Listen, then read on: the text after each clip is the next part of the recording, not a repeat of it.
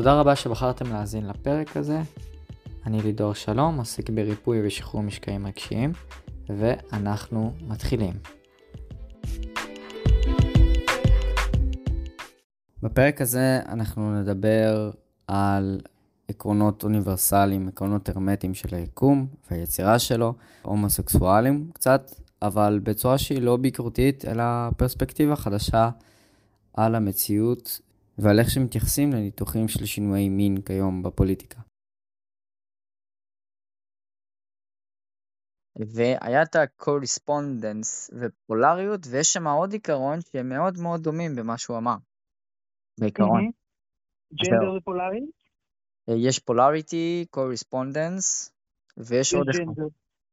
gender, אה, אני חושב שה polarity דומה ל gender קצת, לא? מה התבלגן לך? ה correspondence וה polarity. למרות שגם אוקיי. ה gender, כשאתה אומר את זה, זה נשמע אותו דבר. אז בוא נדבר רגע על correspondence. אני בדיוק אה, ראיתי, שמעתי על זה קצת סרטונים, ואני מיישב את זה קודם כל בהגדרה הבסיסית. correspondence, אנחנו מדברים על מה שקורה בממדים גבוהים, קורה גם כאן, וההשוואה הזאת בין המיקרוקוסמוס למקרוקוסמוס. אוקיי, אז correspondence, אנחנו מדברים על as above, so below.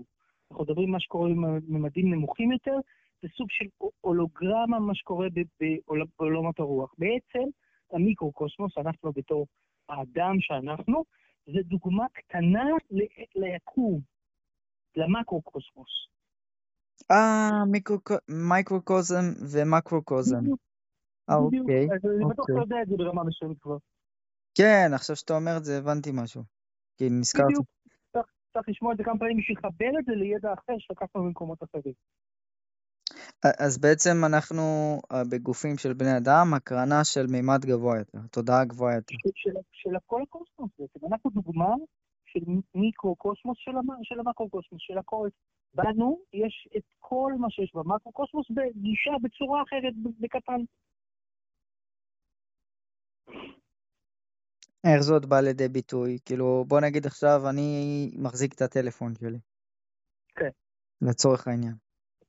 איך זה מתבטא, לדעתך, במיקרוקוזם, מיקרוקוסמי, קוסמוס? אני אתן לך את הדוגמה שאני מבין דרך ההבנה של התודעה האישית והתודעה הקולקטיבית, סבבה? כי זה, זה הדרך שאני מפענח את הדברים, בקטע יותר אה, פסיכולוגי. אוקיי. אה, אז אם אני מבין את הדפוסים שלי, נגיד יש לי דפוס של כעס מול אימא שלי, Mm-hmm. ואני חופר וחופר וחופר ומגיע לפחד מנטישה. ולאט לאט אני, אני חופר בקולקטיב, אני מטפל באנשים, אני חוקר אנשים, אני רואה שהפחד מנטישה מנהל את כולם, שזה רחב, שזה בתודעה הקולקטיבית, שזה דפוס שכולם חווים עכשיו, לא רק אני. אני במקרו, במיקרוקוסמוס חווה את זה עם סיפור מסוים מול אימא שלי, אבל בעצם התופעה הזאת מאוד רחבה בחברה האנושית כרגע. ואז, ואז אני מחבר את זה לתודעה הקולקטיבית של המקרו-קוסמוס. Mm. זה יכול הדרך שלי להבין דפוסים פסיכולוגיים. ובממדים אחרים זה לא נראה לי קיים הדבר הזה. בממדים אחרים. הכוונה בממדים אחרים זה שאני מתכוון לממד של התודעה הקולקטיבית. אם אני מדבר על ממד גבוה יותר, נגיד מישהו בממד גבוה יותר יכול לראות את התודעה הקולקטיבית של כדור הארץ יותר בקלות. ואז מה שקורה בתוכי הוא בעצם שיקוף מסוים של מה שקורה בכל העולם, ובעצם מי שבממד גבוה יכול לראות את זה מלמעלה. נכון, מסתכלים עלינו כל הזמן. זאת, זאת ההבנה האישית שלי, זה איך אני מפענח את הדברים האלה. שוב, ויכול להיות שאתה תפענח את זה מהכיוון שלך ותביא זווית אחרת. זו הדרך שלי להבין, מתוך דוגמה אישית, מתוך החוויה שלי, איך אני רואה את החוק הזה ואיך הוא עובד ובא לידי ביטוי בחוויה שלי.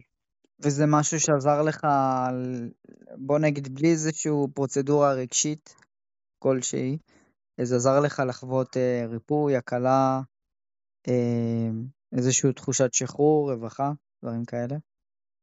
כן, חד משמעית. בגלל זה אני אומר את זה, כי זה, זה, זה משהו שמאוד עזר לי להצליח להבין בני אדם ולהבין איך העולם עובד, להבין למה דברים קורים כך, להבין למה אנשים עושים את זה, ובטח כל מה שאני מספר לך היה חוויית ריפוי משמעותית בשבילי.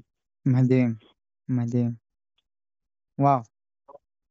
מליטרלי חוק אחד פשוט, שאולי נחשפת אליו בטעות או במקרה, והוא בעצם מציף לך, בלי כל כך הרבה ידע רוחני, רעיונות חדשים לגבי התפיסה של המציאות.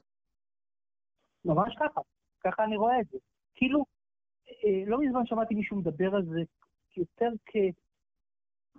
כהבנה של איך העולם עובד מאשר חוק. אתה יכול כאילו להתעלם מזה, זה לא אומר שזה עדיין יפעל, אה, אתה יכול להתעלם מזה ולחיות אולי חיים סבירים, אבל ברגע שאתה מבין את זה, אז אתה באמת נהיה יותר אוקולטיסט או מיסטיקן או שמן, יש לך את היכולת לראות את הדברים מגבוה יותר. ככה אנחנו עולים בתדר, יש לנו את היכולת לראות את הדברים מגבוה יותר. מידע, מידע רוחני בעיקר. גם, גם. אה, אה, החוקים האלה בעצם אה, הבנה לפי דעתי לבסיס מסוים של איך לראות את העולם מגבוה יותר ולעלות בתדר ולהתפתח, ואתה יודע, הערה וכל הסיפור הזה, התקדמות רוחנית. מעניין, אוקיי. עכשיו יש את העניין של הפולריטי וג'נדר. קורספונדנס זה המשפט, מה, ש... מה שנמצא למעלה נמצא למטה, כן? נכון. זה גם. מיקרו-קוסמוס, מקרו-קוסמוס. אוקיי, אז זה אני אעשה לי עוגן על המילים האלה. ופולריטי וג'נדר. ג'נדר זה זכרי ונגבי. בכל, נכון. בכל דבר, זה כן מה, ש, מה שאני זוכר. גם אני יודע את זה בלי כאילו למדתי את זה בלי קשר לעקרונות ההרמטיים האלה, אמ, שבכל דבר יש מסקילין ופמינין, כאילו זכרי נכון. ונגבי. עכשיו, נכון. בזה שאני יודע את זה, איך זה משרת אותי? כאילו, סבבה, יודע שעכשיו בי יש גם צד נגבי, גם צד זכרי. אני הייתי בגלגולים קודמים, בחיים קודמים, גם אישה, גם גבר, אוקיי, אין בעיה, no problem. מה אני עכשיו עושה עם זה? כן. לי זה עוזר להבין איך לעבוד עם האנרגיות הגבריות והנשיות בתוכי ואצל מטופלים. זה, זה עוזר לי להבין את הצד הגברי ומה אני, ומה אני מעוניין לעשות שהוא נכון לי בתור גבר, מה אולי הגדירו לי בתור גבר שהוא לא נכון, איפה אני יותר רוצה להתחבר לצד הנשי שלי, ללמוד כמה חשוב האיזון בין העולמות, כן? ככל mm-hmm. שאני יותר מתעמק בזה ומבין את זה, לא ממקום שהחברה מכתיבה, כי החברה אה, אה, עושה עם זה המון בלאגן לא בריא היום. המון המון בלאגן יש עם זה. עם כל הגישה הזאת של לקבל את האנשים שרוצים לעשות אה, שינוי מין, שבגדול, אם, אם אתה באמת, זה נכון לך, אין לי בעיה עם זה, יש שם המון מניפולציות סביב זה. אה, מה, מה כן נכון לגברים, מה לא נכון לגברים, מה כן נכון לנשים, מה לא נכון לנשים, כן. ואני חושב שאיבדנו הרבה מההבנה הבריאה של איך לעשות את זה. אז כשאני חוקר את הדבר הזה ואני מבין את החשיבות של זה, אני נהיה יותר מחובר לעצמי במקום הכי אותנטי ונכון. גם לגבריות וגם לנשיות במידה הנכונה שנכונה לי. באמת יש הרבה אנשים היום שככה, נגיד, הם לא יודעים על כל העניין של התודעה, נכון. רגש ומנטליות, זה כאילו אומרים ל... תקשיב, אתה גבר, אסור לך לבכות. מה אתה עושה? נכון, נכון. או אנשים שעושים, הולכים ונהיים נגיד, אה, יוצאים מהארון, עושים ניתוח לשינוי מין, ומבינים שזה לא נכון להם. זה, זה מקרה חמור יותר, כן? במיוחד עם, עם השינוי מין, שאני רואה שאנשים מתחרטים על זה אחרי זה. זה, זה נושא חשוב כי יש על זה, יש על זה הרבה בלאגן עכשיו בעולם. הם, אמ, הם מתחרטים על זה כי ביקרו אותם, או כי זה באמת... מישהו יכול לשכנע אותם, כי מישהו יכול לשכנע אותם לעשות משהו שלא היה נכון להם. אז בגלל זה כל הפרסומות של הכלי תעמולה בתקשורת, טרנסג'נדרים והכל. מה זה? זה בלאגן מטורף. מצד אחד יש התעוררות, וזה חשוב שאנשים מודעים למיניות שלהם, מצד שני, יש אנשים שמנצלים את זה לאינטרסים שלהם. מנצלים את זה לכל מיני אה, אג'נדות. ואני גם שם לב שכל התנועה הפמיניסטית, אם אנחנו מדברים על זכרי ונגבי, נכון. גם יש שם הרבה מאוד כסף מעבר לעניין של אה, תכבדו אותי, אני אישה. הרבה מאוד נכון. כסף. נכון, זה יהיה, שוב, אני לא יודע כמה זה קונספירטיבי, או שבאמת אה, נשים מסוימות עוברות את זה, אני מאמין שגם וגם ברמה מסוימת, אה, הרבה נשים עכשיו מבינות מחדש את המקום שלהן ורוצות להיות כמו גברים, חושבות שעל אה. ידי זה שהן כמו גברים, הן נהיות חזקות, והן מאבדות את הנשיות שלהן ברמה מסוימת.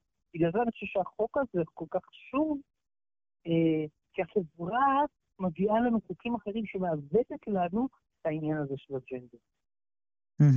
זה גם אה, באיזשהו מקום, אני בחוויה שלי, פגשתי כמה נשים שהן, אה, אתה לא מרגיש שהן נשים והן לא לסביות, כן? הן נשים רגילות, אין איזשהו היפוך קוטביות, זה גם סרטון בדיוק שעשיתי היום על אה, הומוסקסואלים ולסביות, אני אעלה את זה עוד מעט לטיקטוק, אתה גם תראה.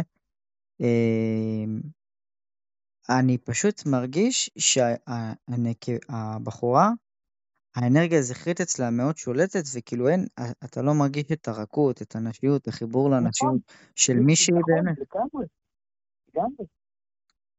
זה אחת הבעיות הגדולות שלי היו, שהתחלתי, אה, אה, אתה יודע, לשכב עם יותר נשים בחו"ל מאשר בארץ, ולהתחבר לנשים בחו"ל, כי הרגשתי הרבה יותר את הנשיות, לא הבנתי בזמנו למה זה, אבל באמת הרגשתי בארץ שהרבה נשים נהיות אובר גבריות ומתנהגות אליי כאילו הן גבר, וזה לא משך אותי.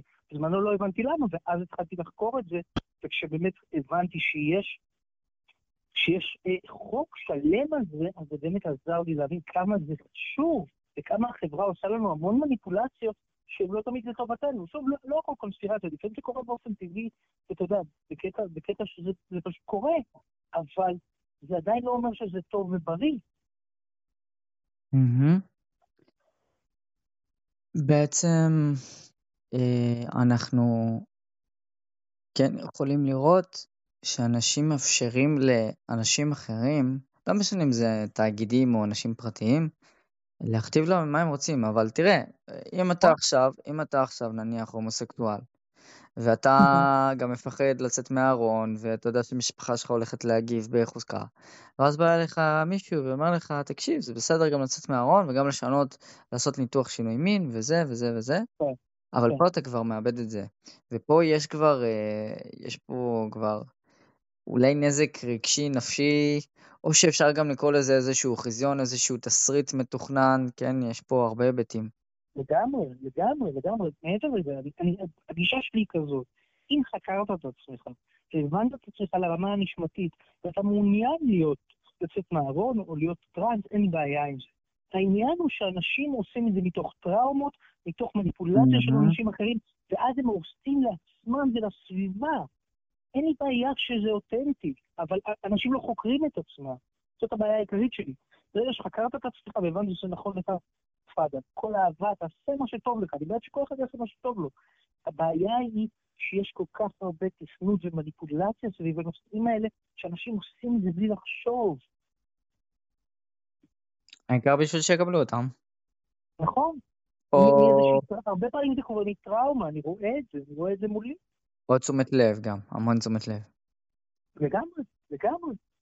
יש, יש... יש אנשים חסך בסקס, אני ראיתי את זה בשכבה שלי נגיד, ובתור בתור הומו, אתה יודע, כולם, ברמה המינית, כולם מקבלים אותך, ויש מלא סקס.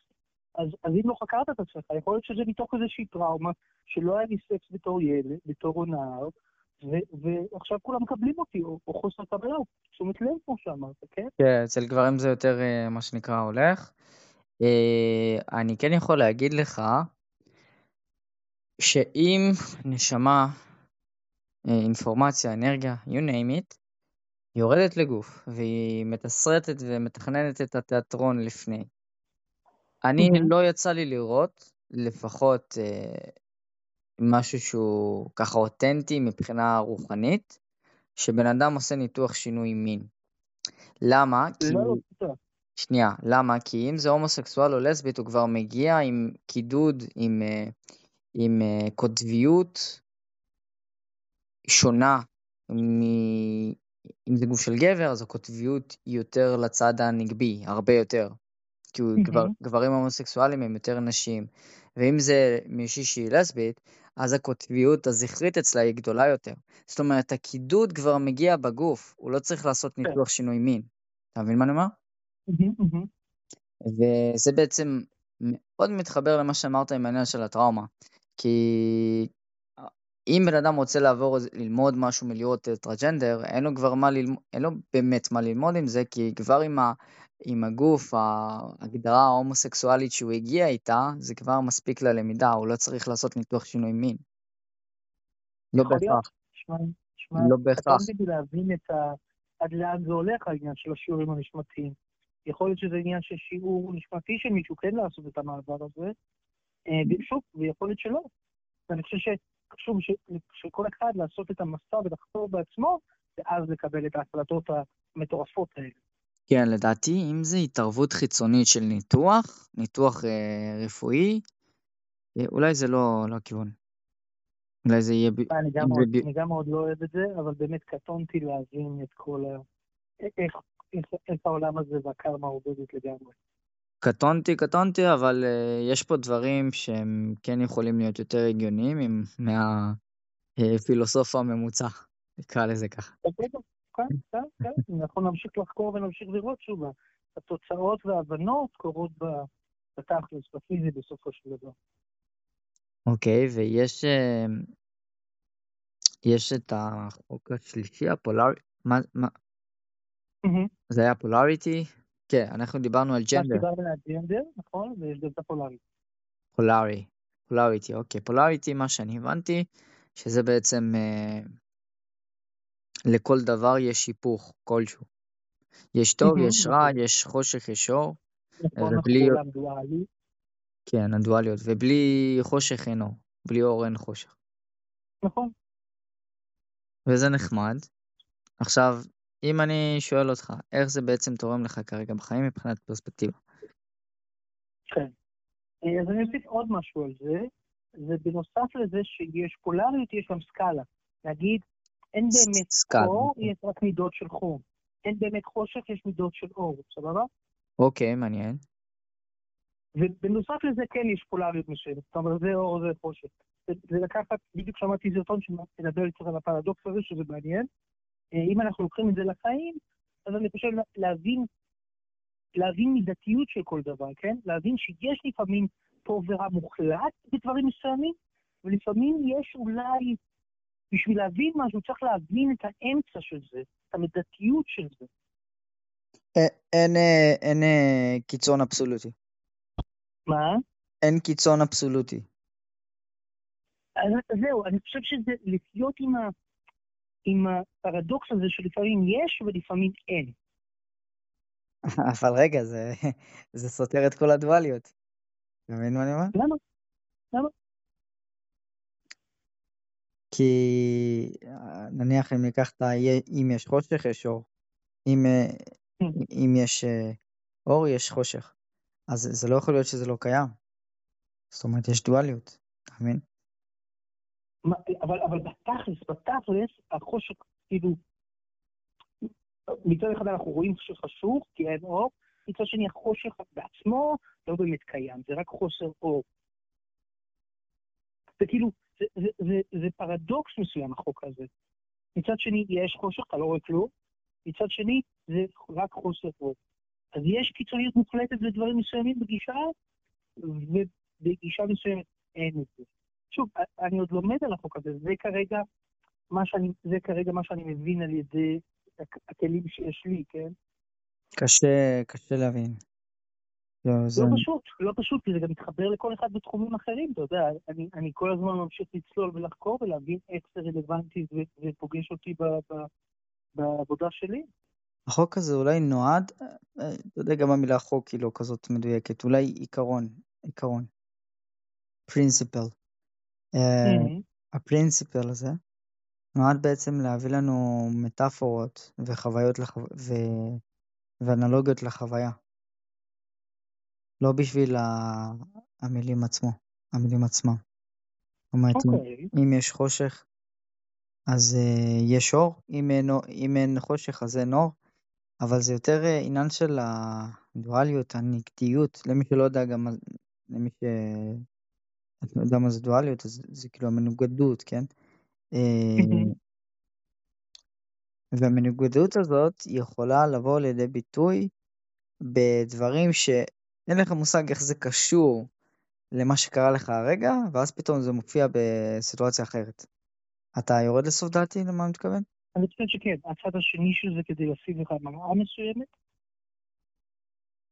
כאילו, כן. אתה, אתה לומד משהו מסוים ואז החיים מראים צד שני בשביל, בשביל לתת לך את הנגדיות השנייה? כן, כן, וגם אה, לחוות, יצא לך לחוות סינכרונים? ברור, כן. יפה, אז בדיוק הסינכרונים המוזרים וההזויים והפרדוקסליים האלה, זה העניין של החוק הפולרי, שקורה לך פתאום. יכול להיות, האמת שזה רעיון, זה רעיון נהדר. קורה לך פתאום סינכרון ממש טוב או ממש מוזר, ויום למחרת אתה מקבל בראש איזה כאפה מצלצלת שאתה לא יודע מאיפה היא מביאה, כן, איפה היא מגיעה אליך. או, או שאני רואה סרט אימה אה, מאוד מפחיד ומלחיץ, שגורם לי מאוד להעריך את, ה, את, ה, את העולם הזה נגיד. לי זה ככה בא לידי ביטוי. הרבה פעמים לראות משהו מאוד אפל, עוזר לי להעריך את מה שיש לי. נכון, גם. אה, אבל עד, עד עומק מסוים. כן, כל אחד בעומק שלו בקטע הזה. סתם אני נותן אה, דוגמה, כן. להבין את ה... אתה יודע, לחשוב ביחד על איך הדברים האלה עובדים. מה זה, מה זה? שוב, תגיד. סתם אני נותן דוגמה כדי לחשוב ביחד, כדי להעלות אה, רעיונות ודוגמאות לאיך הדברים האלה עובדים. לחשוב ולהעלות רעיונות לאיך הדברים האלה עובדים. כן, סתם לקחתי את הרעיון שלך והבאתי את איזשהו רעיון ואת המקום של איפה זה פוגש אותי. בהיבט רוחני, בסרט mm-hmm. מה נגיד, לא יראו לך משהו שהוא דואלי ואתה לא יכול להכיל את זה. זאת אומרת, mm-hmm. אם אתה מכיר נגיד דמויות מדרגון בול, סתם לצורך העניין, איזה דרקון מדרגון בול זי, mm-hmm. אז יכולים להראות לך נניח איזה ישות בדמות שמתחפשת לדרגון בול זי. אתה יודע, משהו כזה nice to have, nice to see.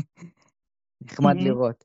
אבל לא יראו לך פתאום נגיד אה, אותה ישות שבאה לי להביא לך את האנלוגיה, את המטאפורה, אה, בסרט אימה או במציאות, לא, לא יבוא ויראה לך שהוא עכשיו איזה שט שחור 40 מטר גובה.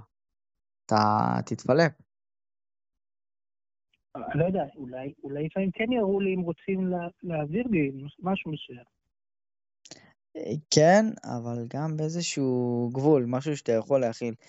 זה, כן, כן, זה, גם, זה גם מתקשר לי עם הפולריות, כי, אמ, כי אתה, אה, נותנים לך משהו שהוא מאוד מאוד מפחיד, ויום mm. למחרת תיתנו לך, או חודש אחרי, או whatever, whatsoever, כמה ימים אחרי זה, סינכרון שהוא מאוד מאוד נעים וכיף לראות אותו. כן, יכול להיות. יכול להיות. נגיד, איזה כיף זה, איזה כיף זה לראות אה, מלאך 40 מטר גובה. עכשיו שם זה? איזה נחמד זה לראות דבר כזה. היי, שלום, מה, כן, באת לארח לי חברה? מטורף. איזה כיף זה לראות את זה. או פייה, אה, פיות זה גם משהו שנחשפתי אליו לאחרונה, לא ידעתי שפיות קיימות, אבל אתה יכול לראות את זה בכל הסדרות והסרטים, שפחות או יותר כל מה שמראים שם זה מה שקיים במציאות, באיזשהו כן. אספקט. אז נחשפתי לפיות, ואני לא ידעתי שפיות קיימות, חשבתי שזה בנות הווינקס מערוץ הילדים, ושם זה מסתיים. Mm. אבל uh, זה יהיה ממש ממש נחמד, אני כאילו רוצה לחוות דבר כזה, שפיה uh, נוחתת לי על היד ומביאה לי איזה מסר. וואו. אני גם, זה אחד הנושאים שהכי מרתקים אותי. אח יצא לי לא כמה פעמים, פיה, אני חושב שלא, וזה אחד הנושאים שהכי מרתקים אותי. להבין איך עושים את זה, איך מזמנים, איך מתקשרים איתם. אה, ללא ספק, אחד הנושאים שהכי מרתקים אותי, הכי, הכי, מרג... הכי כאילו מרגשים אותי. אני חושב שבטלפתיה הכי רגיל. יכול להיות, יכול להיות. כמו, כמו כולם. אם, אם מצליח לך, אני אשמח שתלמד אותי. אמ, אני אגיד, אני... לי יש עוד אה, פתיחות לעשות לעין השלישית, יש עוד שם דברים שחסומים לי. בטח, בטח, אנחנו כולנו במסע. תשמע, אה, אני עשיתי מדיטציה עמוקה מאוד לפני איזה שנה, ואני אשכרה ראיתי חיזיון של אה, ישות, לא ישות, כאילו סבתא כזאת קטנה, מטר, בגובה של מטר, היא נראית שמאנית, אינדיאנית כזאת, עם מלא עגילים, ואתה יודע, מלא קעקועים על הפנים, והיא דיברה איתי, היא דיברה איתי, ואיך דיברתי איתה? פשוט במחשבות שלי, לא עשיתי איזה משהו מיוחד. היא שמעה אותי, ואני שומע אותה מדברת אליי. זה כאילו כן. אתה מדבר אה, לילד הפנימי של עצמך, אתה שומע אותו מה הוא רוצה, מה הוא אומר, כאילו, לא משנה, כל מיני דברים שעולים, ואתה מדבר איתו בחזרה, ואתה שומע תשובה ושאלה. אתה שואל שאלה, מקבל כן. תשובה. זה ממש כן, זה. קורה לי לפעמים, אבל באופן כאילו קצת רנדומלי. הייתי רוצה לדעת יותר איך, זה עובד. נגיד הסשן שעשית, שעשיתי אצלך. אה, אתה שאלת אותי את. זה עם המשאית הלבנה, או המשאית הוורודה, מהמם. ו... ואז שאלת אותי, מה זה בעצם אומר בשבילך המשאית הוורודה? ואחרי כן. כמה רגעים עלתה לי תשובה. כן. וזה בעצם התקשור. ככה גם אני מאמין שכל היקום, מהמם. בגלל שאנחנו סוג של מחוברים וכולם מגיעים מאותו source, אותו מקור, אותו משהו כלשהו שיצר אותנו איכשהו, אה, אנחנו מדברים אותה שפה, כן. וכולם מדברים בטלפתיה. אה, זה, זה סבבה לי, נגיד, להציב דברים מהדמיון, לעבוד עם זה, אבל אם אנחנו מדברים, נגיד, להסתובב ביער ולראות פייה יותר בפיזי, או לראות אותה דרך העיניים החיצוניות, אבל בממד אחר, זה נגיד משהו שלא חוויתי. אה, זה גם אני לא. אני לא חוויתי פיות. אמ, אוקיי. לא, לא, נראה לי... אה, אוקיי, אתה הבנת ממני שאני חוויתי מפגש עם פיה, אז לא. לא, לא יצא לי. אוקיי, אוקיי. אני כן שמעתי שאנשים אה, נפגשים, אה, אבל הרבה יותר קל לראות פיות, אה, באמת אם אתה נמצא באיזה יער, כנראה שהן נמצאות ב- כן. בסביבה עם תדר גבוה, לא בעיר. וגם מומלץ שהעין השלישית תהיה פתוחה. ואז כאילו אתה. יכול לראות הכל. חייב. לפי מה שהבנתי, באמת חייב. ואני שומע הרבה סיפורים, במיוחד מה... אתה מכיר את אדגר קייסי? ודאי, יש לי ספר שלו. נהדר. מהעולם, גם מהעבודה שלו וגם מהעולם שלו, ואנשים שמנהלים את המרכז שלו מספרים על הדברים האלה. יש מישהו שעדיין חי, שמנהל את המרכז שלו, שנקרא אה, ג'ון ון אוקן, שהוא עושה הרצאות מרתקות על הדברים האלה.